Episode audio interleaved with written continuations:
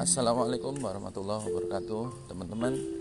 Kali ini Pak Tohib akan bercerita tentang 10.000 jam terbang. Maksudnya apa Pak? Oke, kalau penasaran ikuti sampai selesai ya nanti podcast ini. Teman-teman yang berbahagia. Teman-teman yang berbahagia eh, Kalau Pak Tohib sebutkan Muhammad Ali Mike Tyson teman-teman kenal? Ya kenal lah pak. Mereka adalah petinju yang hebat. Oke kalau Pak Tohib sebutkan kemudian Muhammad Saleh Lionel Messi ya jelas toh Pak itu malah lebih uh, sering muncul lebih kenal sekarang pemain sepak bola yang hebat. Baik betul teman-teman sekalian. Teman-teman sekalian kalian pengen menjadi hebat seperti yang Pak Taib sebutkan tokoh-tokoh tadi. Meskipun ya tentunya tidak hanya di bidang olahraga ya di bidang apa pun. Pengen ya baik kita sepakati terlebih dahulu.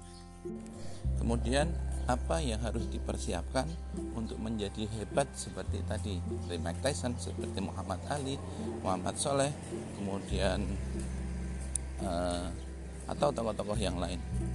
Apa yang perlu disiapkan? Nah mereka semua memiliki jam terbang berlatih itu luar biasa banyaknya waktu yang mereka gunakan.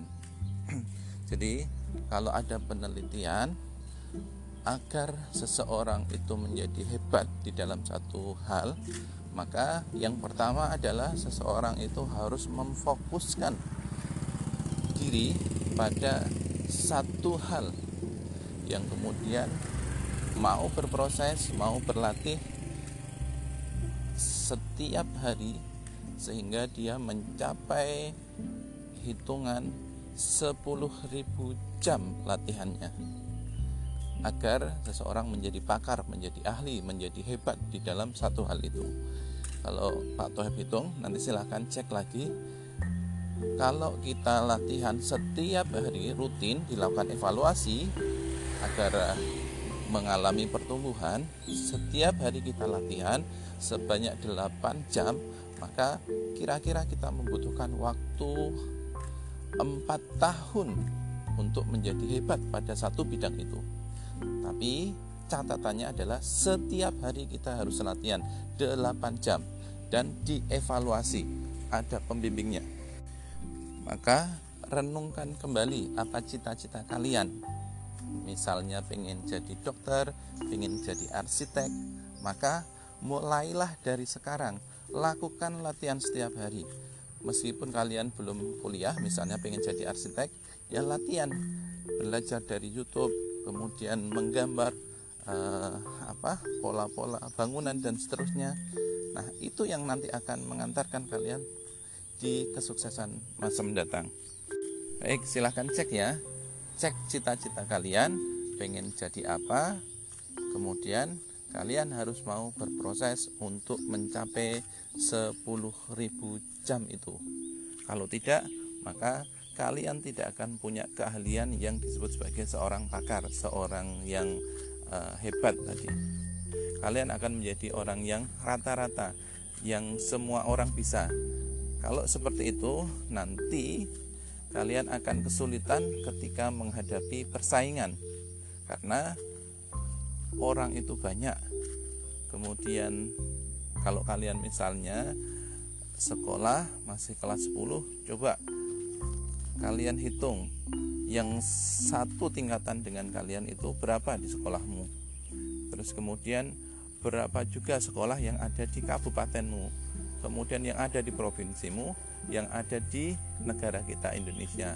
Nah, itu yang berkompeten eh, berkompetisi nanti dengan kamu di masa mendatang. Maka kamu harus memiliki sesuatu yang unik yang membedakan antara kamu dengan yang lain.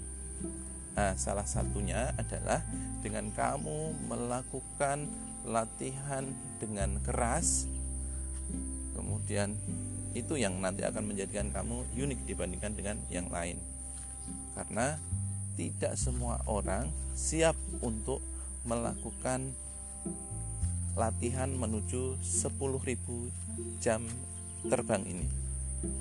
Maka kalau kamu mau melakukannya, insya Allah kamu akan menjadi hebat. Tapi tentunya kemudian kita harus uh, imbangi dengan doa, meminta kepada Allah. Karena segala sesuatunya Allah yang menentukan takdir kita. Karena juga Allah yang sebenarnya memampukan kita untuk melakukan sesuatu.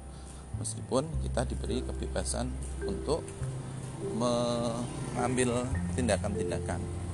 Artinya ya, kalau kita sadari kita bisa bergerak ini saja itu karunia Allah kita bisa berkedip saja itu karunia karunia Allah. Kita bisa berpikir itu juga anugerah Allah. Bahkan ya juga tentunya kita bisa berlatih itu juga atas izin Allah. Nah maka kalau nanti suatu saatnya ketika kamu sudah sampai 10.000 jam menjadi orang-orang yang hebat agar tidak lupa bahwa ini adalah karunia yang Allah berikan kepada kita sehingga kita menjadi bijaksana ketika menjadi orang sukses menjadi lebih tawaduk menjadi lebih taat pada Tuhan kita.